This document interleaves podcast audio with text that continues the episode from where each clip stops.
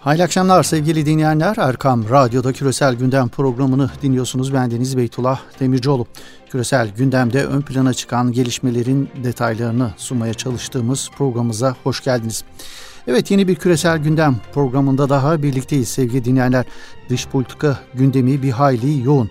Küresel gündem programımızda bu hafta bu yoğun dış politika gündeminin sadece birine odaklanmak istiyoruz. Filistin'i konuşacağız bu hafta. Hem Filistinli gazeteci dostumuzun radyomuza yaptığı ziyaret vesilesiyle hem de Filistin konusundaki duyarlılığı diri tutma adına böyle bir tercihte bulunduk bu hafta. Filistin'deki son gelişmeleri ilk ağızdan dinleme fırsatını kaçırmak istemedik.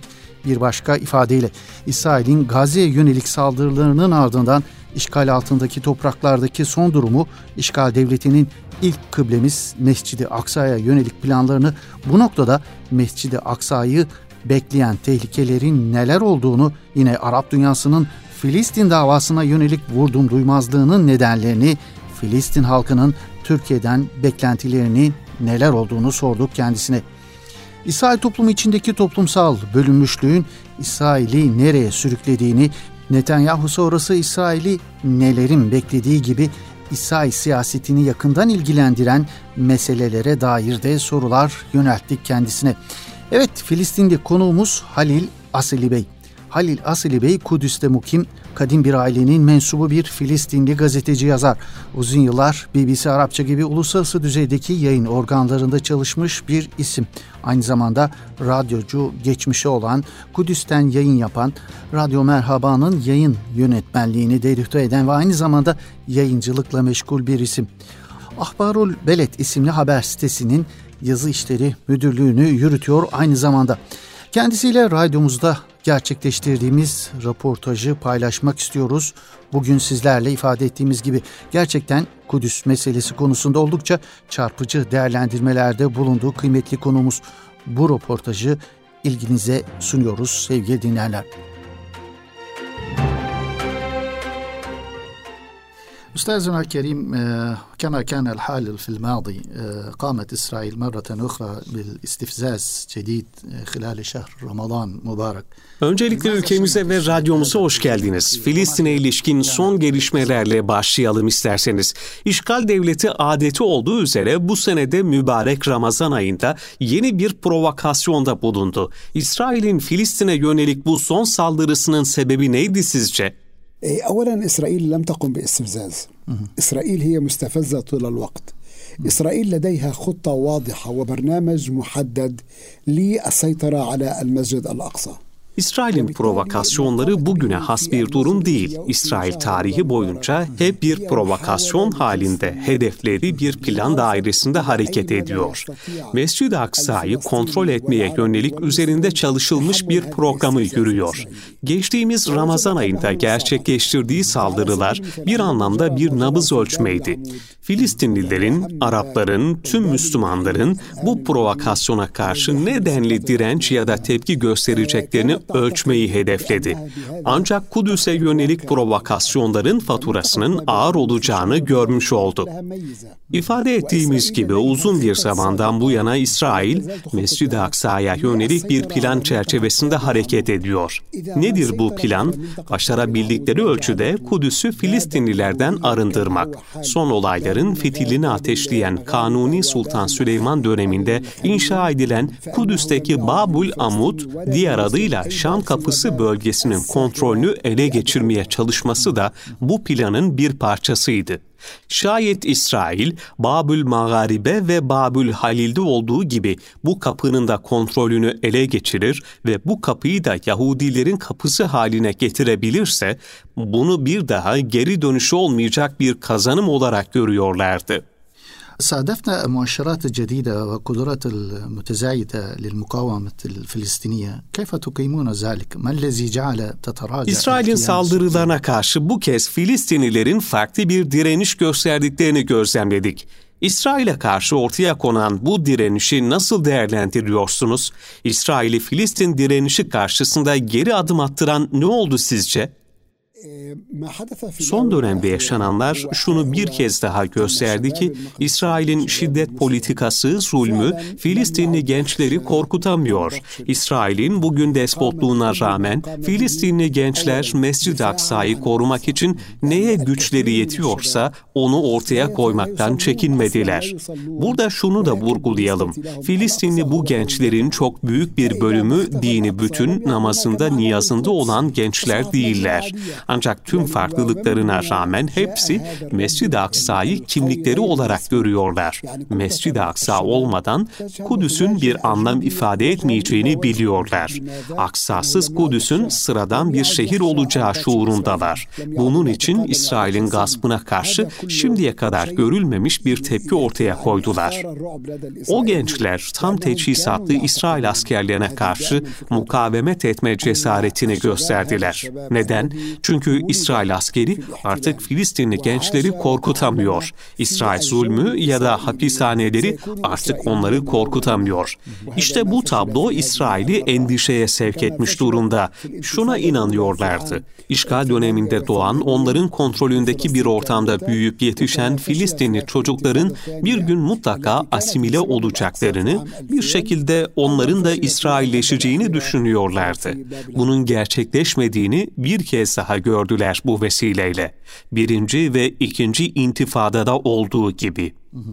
من ناحية الأخرى هناك مأساة إنسانية وقتلت إسرائيل مئات الأشخاص في هجماته الأخيرة ودمرت Filistin'de meselenin insani boyutuna değinilecek olunursa, Filistin'de kelimenin tam anlamıyla trajedi yaşanıyor. İsrail yüzlerce insanı katletti, binlerce evi tarumar etti. Bu vahşetin orada yaşayanlar üzerinde etkisine dair neler söylersiniz? Yaşananlar oradaki hayatı nasıl etkiliyor? Gazze'deki insani trajediyi kastediyorsunuz herhalde. Gerçekten Gazze'deki durum trajediden de öte bir durum. Gazze halkının yaşamış olduğu trajediyi tavsif edecek kelime bulmakta zorlanıyor insan. İsrail'in despotizmi sebebiyle hayat kelimesi Gazze'liler için bir anlam ifade etmiyor. Gazze halkını nefes alıp veren ölüler şeklinde tanımlamak mümkün aslında. Bugün Gazze halkının yarınını planlama gibi şansları yok. Çünkü sahip olduğu her şeyin her an yok olacağını, evlerinin İsrail tarafından başlarına yıkılacağını biliyorlar. İslam dünyasının kendilerine sahip çıkmadığı sürece durumlarının değişmeyeceklerinin farkındalar. لهم برؤية واضحة في بالعالم العربي والإسلامي بشكل خاص. آخر تطورات على ما قرأته اليوم المستوطنين يقتحمون الأقصى من جديد Yahudi yerleşimcilerin yeniden Mescid-i Aksa'ya yönelik baskınlara başladığını gösteren haberler geliyor. Öyle gözüküyor ki İsrail'e Filistinli direniş grupları arasında sağlanan ateşkes fazla uzun ömürlü olmayacak gibi duruyor. Ne dersiniz? Mescid-i Aksa'ya yönelik baskınların ateşkesle bir bağlantısı yok aslında. Baskınlar ya da bizim ifademizle söyleyecek olursak, İsrail Mescid-i Aksa'ya yönelik mütecaviz saldırıları yeni bir realiteyi, yeni bir vakayı Filistinlilere dayatmak için gerçekleştiriyor. Nedir o vaka? İsrail ikinci intifadanın ardından Mescid-i Aksa'ya ziyaretleri ve girişlerini engellemişti. Sonraki süreçte Filistinlilerin yoğun çabaları ve itirazları sonrası yeniden Aksa'nın kapıları ziyarete açıldı. Ama Yahudilerin de Aksa'ya girişine izin verildi. Şimdilerde Yahudiler Mescid-i Aksa avlusunun bazı bölümlerinde İsrail polisinin himayesinde kendi dini ritüellerini yapma imkanına kavuştular. İsrail'in amacı Mescid-i Aksa'yı Müslümanlarla Yahudiler arasında zaman ve mekan olarak bölünerek kullanılmasını sağlamak. Zaman olarak bölünmesi açıkçası gerçekleşmiş durumda. İsrail güvenlik güçleri sabah namazından öğle namazına kadar Mescid-i Aksa'nın kapılarını Müslümanlara kapatıyor. Bazen öyle oluyor ki Yahudileri her tarafa yayılmış vaziyette gördüğünüzde Mescid-i Aksa'nın Müslümanlara ait bir mekan olduğunu söylemeniz son derece zorlaşıyor. Dolayısıyla şu çok net. Mescid-i Aksa gerçekten büyük tehdit altında karşısında. İçinde bulunduğu kuşatılmışlık sebebiyle Mescid-i Aksa gerçekten ağlıyor. Mescid-i Aksa ve onun için mücadele edenler ne yazık ki yalnız bırakılmış durumdalar. Arap dünyası sözde de olsa bile Mescid-i Aksa'nın yanında değil. Genel anlamda İslam dünyasının da Mescid-i Aksa için kayda değer bir desteği söz konusu değil ne yazık ki. في هذا الموضوع كيف تقيمون موقف العالم العربي من قضية الفلسطينيين كأن قضية الفلسطين انتهت بالنسبة لهم Filistin meselesi konusunda Arap dünyasının duruşuna biraz daha değinilecek olunursa, Filistin meselesi Arap dünyası açısından sanki bitmiş gibi duruyor. Nasıl yorumluyorsunuz bu durumu? İsrail, Arap dünyasıyla kurduğu diplomatik ilişkiyle Filistin meselesini İslami bir mesele olmaktan çıkartıp, İsrail ile Filistin arasında cereyan eden bölgesel bir mesele haline getirmeye muvaffak olmuştur. Yani tabir caizse Araplar artık ellerini Filistin meselesinden yıkamış gözüküyorlar. Kur'ani ifadeyle söyleyecek olunursa tıpkı İsrailoğullarının Musa aleyhisselama sen ve Rabbin gidin savaşın biz burada oturacağız dedikleri gibi Araplar da Filistinlilere gidin tek başınıza İsrail'le savaşın diyorlar. Kudüs İslam dünyasının kalbi mesabesindedir. Mescid-i Aksa akidemizin bir parçasıdır. Ancak şunu açıkça söyleyecek olursak bu akide Arap dünyasında ne yazık ki kaybolmuş olmuş durumdadır. Sözde sizinle beraberiz, Filistin'in yanındayız diyorlar ama realitede durum hiç de öyle değil. لا أحد مع المقدسيين والفلسطينيين إلى الله في التطورات السياسية داخل الإسرائيل وافقت ثمانية أحزاب على تشكيل الحكومة ومنهم الحزب الإسلامي الفلسطيني İsrail içindeki siyasi gelişmelere gelecek olursak, e, İsrail'de 8 parti bir koalisyon hükümeti kurma noktasında anlaştı. Bu 8 parti arasında Filistinli İslami çizgideki bir parti de bulunuyor. Çok derin görüş ayrılığına rağmen bu 8 partiyi bir araya getiren etkenler neler oldu size göre? سببين السبب الأول هو أن هذه الأحزاب لو لم تتفق فيما بينها Bu noktada iki sebepten bahsedebiliriz. Birincisi şayet bu sekiz parti kendi aralarında anlaşamayıp beşinci kez sandığa gitselerdi, bu partilerin çok büyük bir bölümü büyük bir yenilgiye uğrayacaklar, belki de siyaset sahnesinden çekileceklerdi. Onları bir araya getiren en önemli sebeplerden biri buydu. Bir diğer sebepse Netanyahu'ya duydukları öfke ve nefret. Netanyahu'dan kurtulunması gerektiği İsrail kamuoyunda genel bir kanaat olarak ön plana çıkmış bulunuyor. İsrail toplumu içindeki Filistinlileri temsilen koalisyonda yer alan, Birleşik Arap listesine liderlik eden İslami çizgideki parti ise bu koalisyona pragmatik sebeplerle dahil olduğu söylenebilir. Ancak koalisyondaki ortakları ve İsrail yönetimi aynı pragmatikliğin ne bu partiye ne de Filistinlilere gösterecektir. Evet bir Arap partisi olarak İsrail hükümetinin bir parçası olmayı başardılar. Ancak ben şahsen şahsen kurulacak İsrail koalisyon hükümetinin bir parçası olacak Mansur Abbas yönetimindeki Ram Partisi'nin istediğini almayı başaracağını düşünmüyorum. Bu partinin gerçekleştirdiği bir tek şey var, o da Filistinlilerin İsrail'in siyasetini değiştirme noktasında etkili bir oyuncu olduklarını göstermeleri oldu. Peki bu hükümetin güven oyu alacağını düşünüyor musunuz? Kesinlikle güven oyu alacaklardır. Çünkü ifade ettiğim gibi Netanyahu'dan nefret ediyorlar. Netanyahu sonrasına ilişkin pek çok şey söyleniyor. Örneğin İsrail istihbaratı Netanyahu sonrası İsrail'i kaos beklediğini söyledi. Aynı şekilde İsrail Cumhurbaşkanı da İsrail'in bir iç savaşa sürüklenebileceğini ifade etti. Netanyahu sonrası İsrail'i neler bekliyor? Gerçekten kimilerinin iddia ettiği gibi İsrail bir iç savaşa mı sürükleniyor? İsrail'deki toplumsal dinamiklere bakarsanız Filistinlilerle yaşadığı sorunlar olmasa İsrail toplumunun bir iç savaşa sürükleneceği kolaylıkla söylenebilir. Ancak devlet mefhumu İsrail toplumunu bir arada tutan en önemli faktörlerden biri. Bu mefhum etrafında kilitlenebilmeleri İsrail'in bir iç savaşa sürüklenmesini engelliyor. Ancak İsrail toplumu içindeki istisnai bir toplum var ki İsrail toplumu için gerçekten bir problem odağı haline gelmiş vaziyetteler. İşgal altındaki topraklara yerleştirilen aşırı sağcı fanatik yerleşimciler kendilerini Allah'ın seçilmiş kulları olarak görüyorlar. İsrail devletinin kanunlarını değil, inançlarında yer alan öğretilerinin esas alınması gerektiğini savunuyorlar. Bu topluluk şayet İsrail yönetiminde daha çok söz sahibi olmaya başlarsa o zaman İsrail toplumunda bir iç savaş çıkması muhtemel olacaktır. Solcu Yahudileri, laikleri velhasıl kendileri gibi düşünmeyen bütün Yahudileri hainlikle suçluyorlar.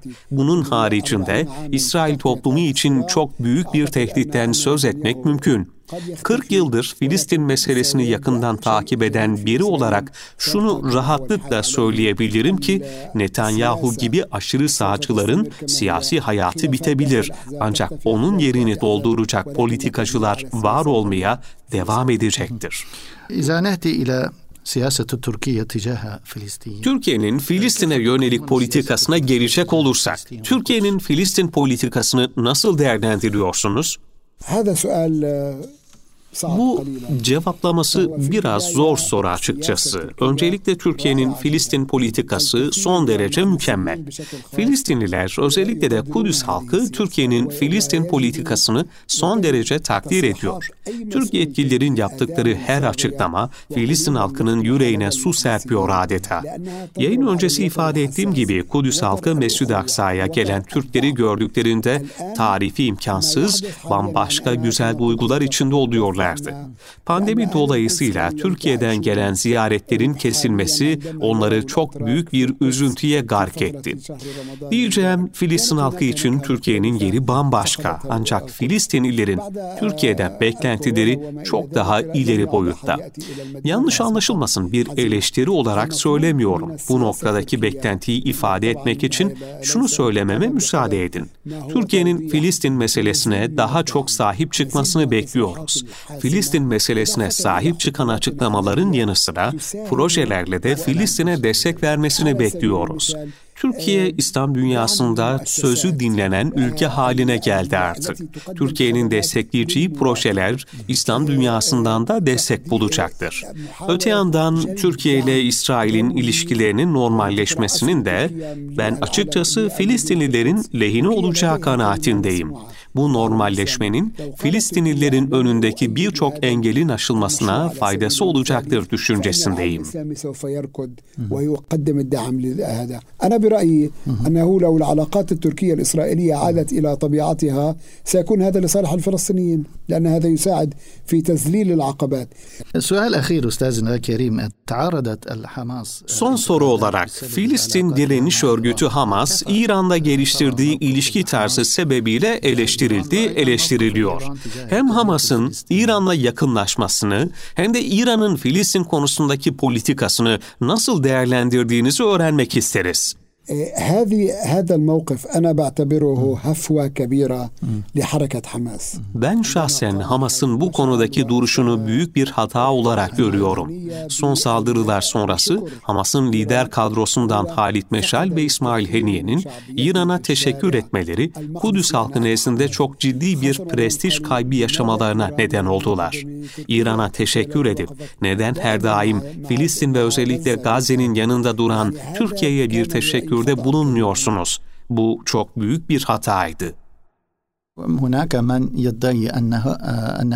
Hamas'ın bu yaklaşımını Türkiye'nin pozisyonunu gizlemeye yönelik siyasi bir yaklaşım olarak görenler oldu حتى لو كان سياسيا إذا أردت أن تشكر فاشكر الجميع Siyasi bir yaklaşım dahi olsa ben hatalı buluyorum. Şayet teşekkür edecekseniz herkese teşekkür edersiniz. Ya da hiç kimseye teşekkür etmezsiniz. Çünkü söylediğiniz ya da söylemediğiniz her sözünüzden sorumlusunuz. Sen sıradan bir vatandaş değilsin, bir devlet görevlisisin. Şükran cezilen Üstazil Kerim. Efendim bu değerli katkılarınızdan dolayı çok teşekkür ediyoruz. Misafirperverliğiniz için ben çok teşekkür ederim. Biz de sizleri Kudüs'te ağırlamak isteriz. Evet Filistin'de gazeteci konumuz Halil Aseli Bey'e bu değerli katkılarından dolayı bir kez daha teşekkürlerimizi sunuyoruz Erkam Radyo adına. Böylelikle bir küresel gündem programımızın daha sonuna gelmiş bulunuyoruz sevgili dinleyenler. Yeni bir küresel gündem programında buluşmak ümidiyle. Hoşçakalın, iyi akşamlar efendim.